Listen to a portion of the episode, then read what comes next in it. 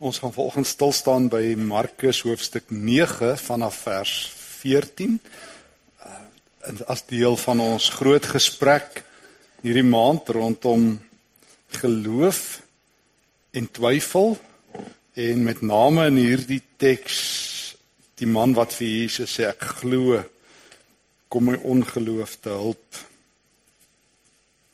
Here baie dankie dat ons u woord het. Dankie dat ons stemme het om hiermee te besing. Baie dankie Here dat ons musiek kan maak vir U.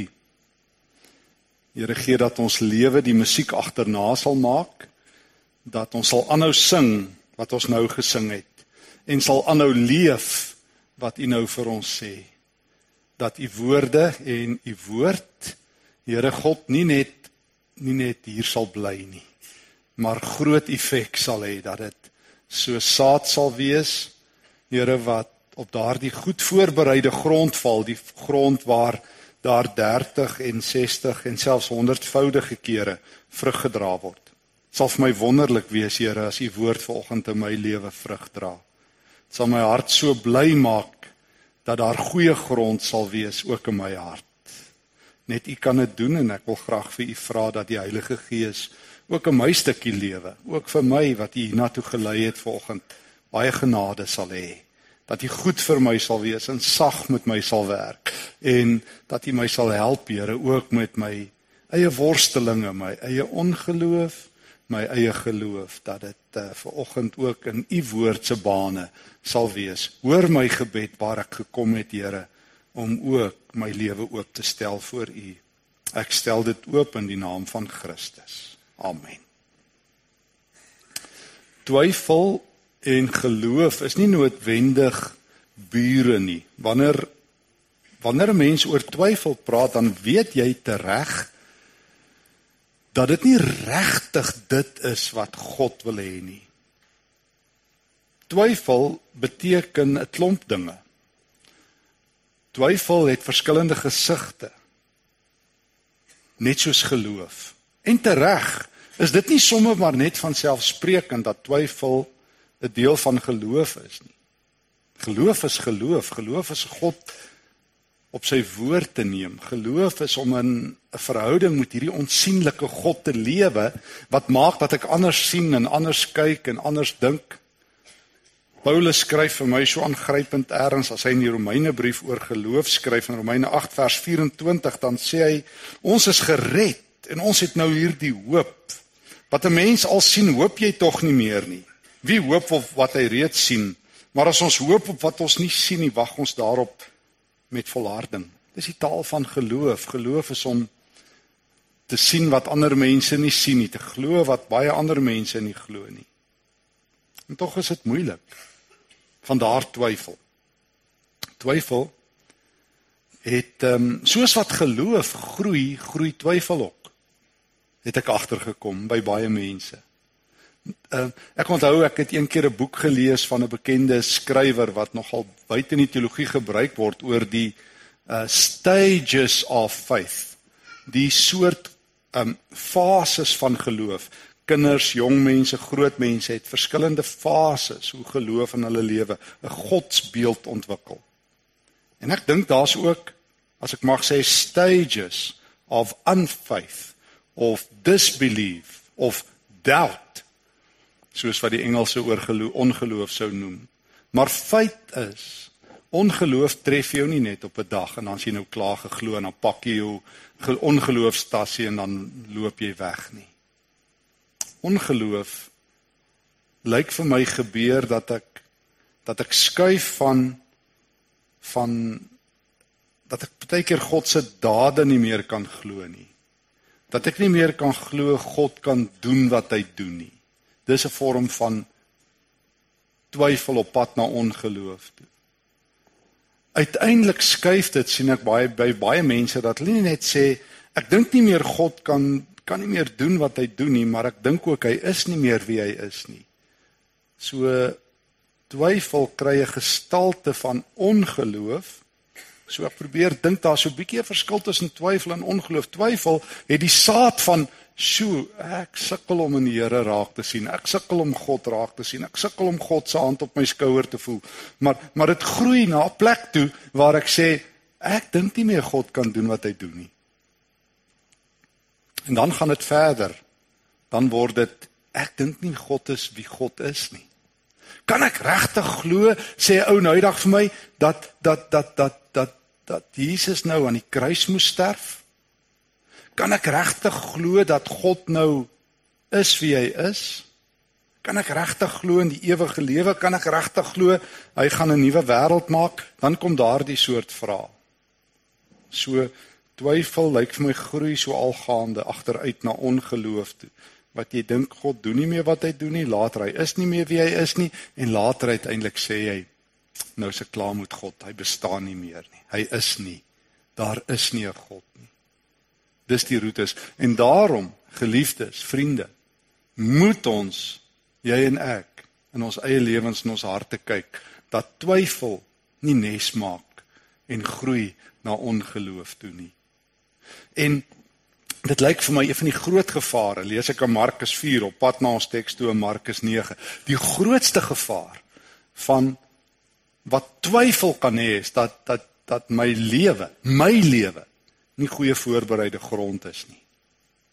Dat ek toelaat dat my lewe nuwe beddings kry, soos ek beddings by my huis en my tuin het, dat daar nuwe beddings kom en dat die saad van die Here op verkeerde grond beland dat my lewe nie meer goed voorbereide grond is nie. Jesus sê dit kan net gebeur en dit gebeur inderdaad dat die saad van sy woord wat groeikrag het op verkeerde grond beland. Die regte saad op die verkeerde grond is is nie aan nie. Hoor mooi, God se woord is altyd reg.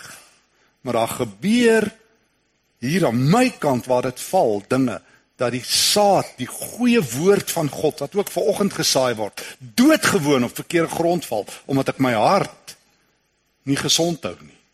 En een van die plekke waar die saad van God se woord verstrengel is wanneer dit tussen die tussen die onkruid beland. En Jesus sê in Markus 4 vers 18 sê Jesus, daar is mense by wie daar soos tussen onkruid gesaai word. Dis hulle wat die woord hoor, maar die sorges van die lewe en die verleiding van rykdom en die begeertes na allerlei ander dinge kom en verstik die woord en dan die verskriklike woorde. En dit bly sonder vrug. En dit bly sonder vrug. Drie dinge wat wat my lewe kan vat na 'n plek van twyfel na ongeloof. Dit is wanneer die woord val, wanneer God sy woord gee, maar ek in my lewe het my lewe gerig op drie ander dinge, naamlik bekommernisse, sorges wat lyk vir my nou in Suid-Afrika die nasionale tydverdryf is waaroor die meeste mense kyk net hoe gaan dit, kyk hoe gaan dit. Jy kan later aan so verstrik en verstik raak en hoe sleg dit in die land en in alles gaan dat geloof glad nie in jou hart kan groei nie. En ek sien dit by baie mense, hulle raak verbitterd, hulle raak klein, hulle raak woedend, hulle het hulle het angs, hulle het vrees, hulle het en uiteindelik sê God, kan my woord nie deur jou eie twyfel, deur jou eie stuk bitterheid breek nie. En geld. Waarvan gaan ek lewe? Hoe gaan ek maak? Ek wil meer hê, die die die begeerte na besittings en die begeerte na ander dinge. Jesus sê dit maak die woord onvrugbaar. En daarom geliefdes, omdat hierdie gevaar 'n realiteit is, 'n werklikheid is, is dit nodig dat ons vanoggend duidelikheid het oor geloof en twyfel. En vandaar Markus 9. Hoe maak ek? Want kom ons sê vir mekaar. Kom ons sê vir mekaar. Dit is nie so maklik om te glo nie. As dit was, het almal geglo, nie waar nie? As dit maklik was om te glo, die kerke oorgeloop. Daar's vandag meer mense in die malls in Suid-Afrika en in die beddens en en op ander plekke as in die kerke want Dit maak nie vir baie mense sin nie. Baie ouens verloor hulle geloof. Hoe 'n ou nou eendag vir my gesê hy's ontnugter. Ek sê beteken dit jy's nou nugter? Want ek dink dit beteken die teenoorgestelde. Jy was nugter en nou is jy ontnugter. Dis eintlik 'n verskriklike woord, né? Ouens sê van jy is ontnugterd met geloof. So ek sê, so het jou nugtere geloof verloor. Dis wat jy eintlik vir my sê. Ek is bekommerd oor jou dat jy nou ontnugterd is. Dis nie 'n goeie plek om te wees nie. Maar wat maak jy? Want as ek my hand in my eie hart sit, sit my laats. Ek twyfel ook. As ek hoor van nog 'n korrupsie en nog 'n misdaad en nog bedrog, dan dink ek baie keer, "Waaragtig, Here, waar is U?" Maar ek voel baie keer wat maak ons daarmee en miskien help nie miskien nie verseker help Markus 9 Jesus maak 'n seun gesond kom ons lees 'n lang teks en ons sal so 'n bietjie insny in hom net so vir 5 of 10 minute Jesus kom van die berg af en dan vers 14 toe hulle weer by die ander disippels kom dis nou Jesus en Petrus hulle sien hulle groot menigte mense daar rondom hulle in die skrifgeleerdes wat met hulle redeneer die hele menigte was verras toe hulle Jesus skielik sien en nader gehardloop en hom verwelkom Hy het vir die skrifgeleerdes gevra: "Hoekom redeneer julle met my disippels?" Een van die mense het hom geantwoord: "Meneer, seker maar rabbi eerder, hy het nie vir Jesus meneer gesê nie, rabbi in die Grieks. Ek het my seun na u toe gebring omdat hy van 'n gees besete is wat hom stom maak en elke keer as die gees hom gryp, gooi hy hom op die grond neer, dan kry hy skuim om die mond en hy kners op sy tande en sy spiere trek saam. Ek het u disippels gevra om die gees uit te drywe en hulle kon nie." Hoor nou van nou af Jesus se reaksie. Jesus sê toe vir hulle: "Ongelowige geslag, hoe lank moet ek nog by julle wees? Hoe lank moet ek julle nog verdra? Bring hom hier na my toe." Hulle het die seun na Jesus toe gebring en net toe die Gees vir Jesus sien, het hy die geweldige die seun geweldige stuiptrekkings laat kry op die grond neergeslaan en rondgerol met skuim om die mond. Jesus het vir die pa gevra: "Hoe lank is dit al dit al oor hom kom?" Van kleins af antwoord hy: Baie kere het die gees hom al in die vuur en in die water gegooi om hom dood te maak.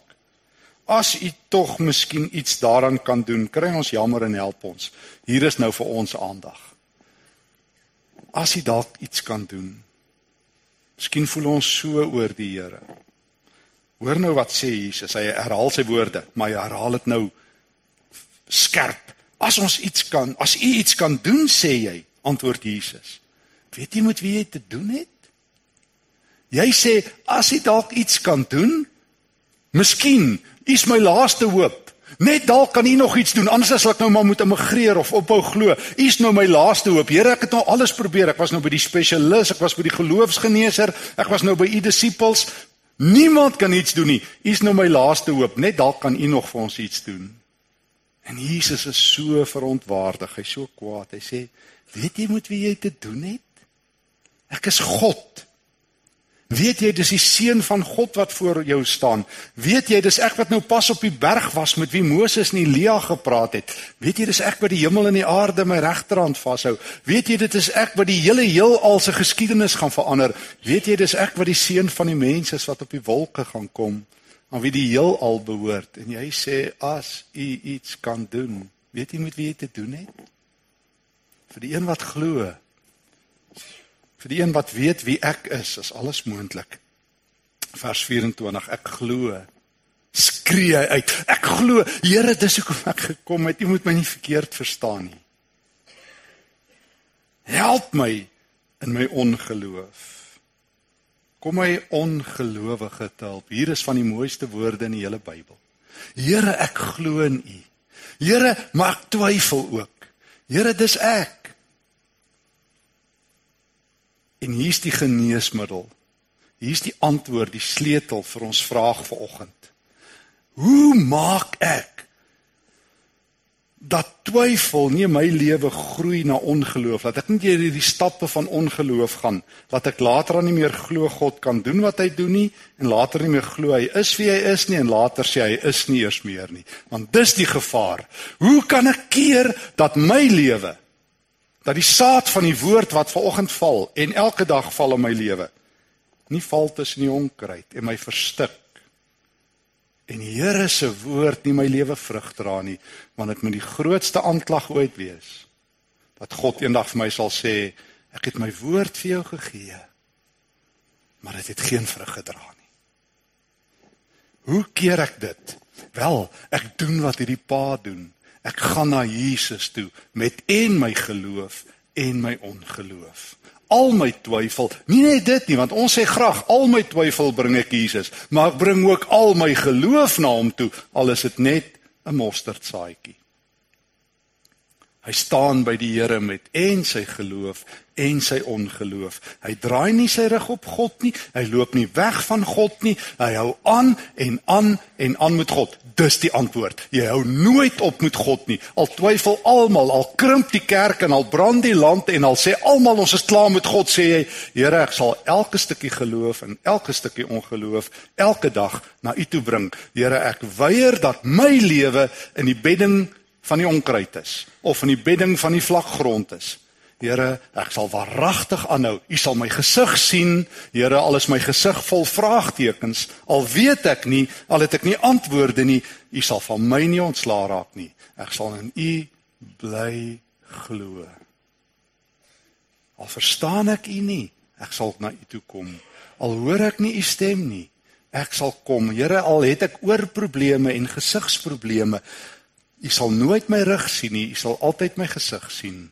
Ek sal aanhou en aanhou en aanhou. Dit is wat die Engelse het 'n mooi woord hiervoor. Ehm um, wat in Afrikaans moeilik vertaalbaar is, resilience. Resilience. Vir my is die Afrikaanse vertaling daarvan vasbyt. Hulle sê nee, dis veerkragtigheid. Ek moes nou eers 'n boek skryf wat ek dit as 'n titel in Afrikaans wou gebruik. En die uitgewer sê ons kan dit nie ehm um, weerstandigheid noem nie. Maar ek dink dis daai weerstandigheid om vir die lewe te sê en die lewe in die oë te kyk en sê, "Julle wil my ongeloof vat. Julle wil my geloof steel." Ehm um, nog 'n hoofopskrif in die koerant wil hê ek moet minder in die Here glo. Nog 'n leraar wat sy geloof verloor het. Nog 'n misdaad wil ek my geloof verloor. Ek weier.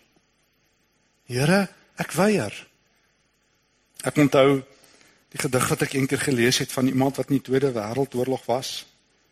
Wat gevlug het, um, 'n um, Jode wat gevlug het uit toe hulle besef het hulle gaan in in konsentrasiekampe sterf en die man het sy gesin op 'n bootjie gevat en hulle en toe hulle op die see vlug en tog hulle is weg, toe daar 'n storm en toe slaan die bootjie om te verdrink sy hele familie en hy spoel alleen uit ergens op een van die kuste in Europa.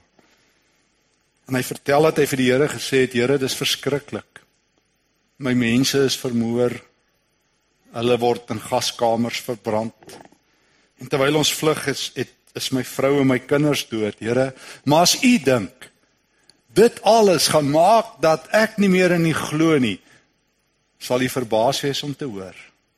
Ek glo nog in U.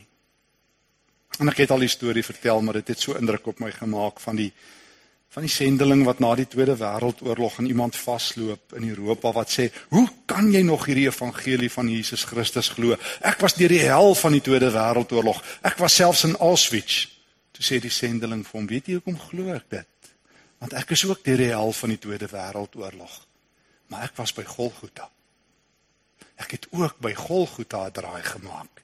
En elke dag maak ek nog 'n draai. Gaan sit ek by die kruis van my Here want vir hom kan ek sê ek glo Here. Help my in my ongeloof.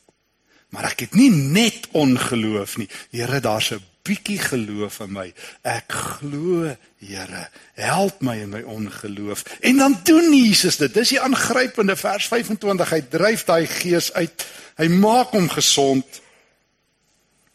En die man kry so dit is hoe my lewe in 'n swaar wêreld op God gerig bly.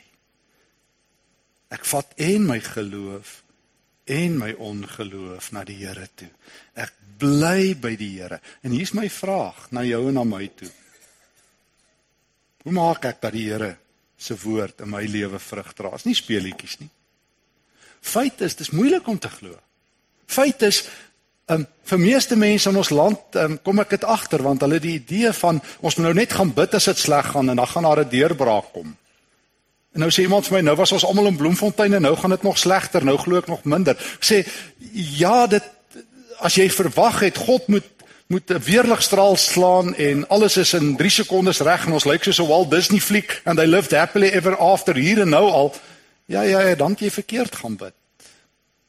Maar as jy God se gesig gaan soek, het daar en hier om te sê Here, ek hou aan U vas. Nie vir wat U gaan doen nie, vir wie U is. En die grootste gewonderwerk, Here, is dat ek sal bly glo. Here, en ek staan op U woord al breek die golwe en al kom die storms en al verstaan ek van U niks nie. Ek sal in U bly glo. Ek sal in U bly glo. My lewe, Here, is geplant in die goeie grond. En die vrug wat U sal gee is dat dat daar ook ver oggend 'n klein plantjie opkom van geloof. Klein stukkie nuwe geloof in my hart groei, want Here, ek laat waaragtig nie toe dat onkruid in my hart groei nie. En die grootste onkruid is as ek die stemme van die wêreld begin glo. Waar is jou God? Psalm 14. Waar is jou God? skree die dwaase. My God is wie hy is en waar hy is nog altyd. En as as die lewe begin sê kyk hoe sukkel jy. Um Psalm 37. Kyk hoe goed gaan dit met die goddeloses. Hulle word ryker en ryker soos Asaf gevoel het en amper sy geloof verloor het.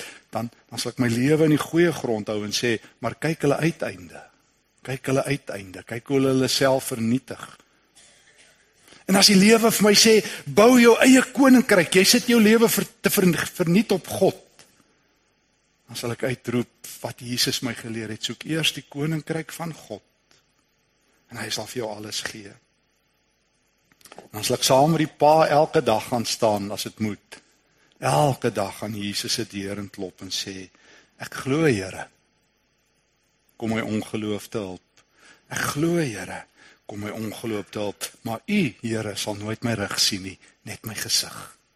U Here sal nooit sien dat ek wegloop van U af nie sal my gesig sien, nooit my rug nie. En Here, U sal moet deel met my ongeloof en met my geloof. En dan kan Jesus iets daarmee doen. Mag die Here gee dat wanneer ons in 'n wêreld is wat ons geloof wil steel, ons sal weier. Dat ons in 'n wêreld is wat ons wil oorplaas na die vlak grond waar die onkruid is, dat ons sal weier. Boal mag die Here gee dat vandag die woord in my lewe. Nie in iemand anders se lewe nie, in my lewe vrug dra. My lewe, die ewigheid hang van my reaksie af. Amen. Here, dankie dat u woord nie leeg is nie. U waarborg dat u woord wanneer u die saad saai, nie leeg na u toe terugkom nie.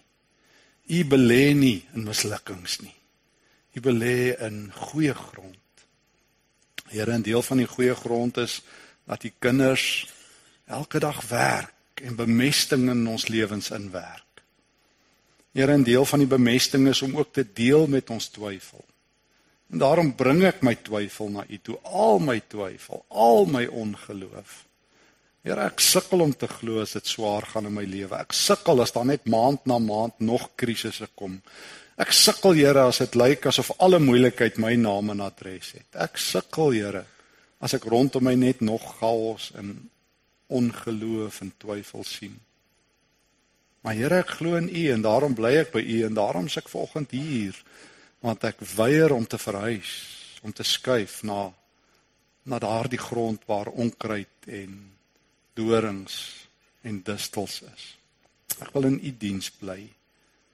Ek wil daardie man, daardie vrou, daardie jong mens wees wat sê Here, al kom die stormwinde, Jesus is my rots. Al waai die winde van verandering, U is die Here wat altyd dieselfde bly. Al word die donkerte al hoe donkerder, U is die lig wat helder skyn. Alles alles rondom my onseker, U is my anker en my vaste hoop. Die Heer wat alle redding bied. Aan U hou ek vas. My oog is op U gefestig. U die begin en die volëinder van my geloof, nou en tot in ewigheid. In Jesus naam. Amen. Die Here het volgens vir ons gesê ons moet nie ons twyfel na die bedding waar die onkruid is vat nie. Ons moet ons twyfel bring na die goeie grond toe, daar waar ons glo sodat ons kan sê ek glo Here, kom my ongeloof te help.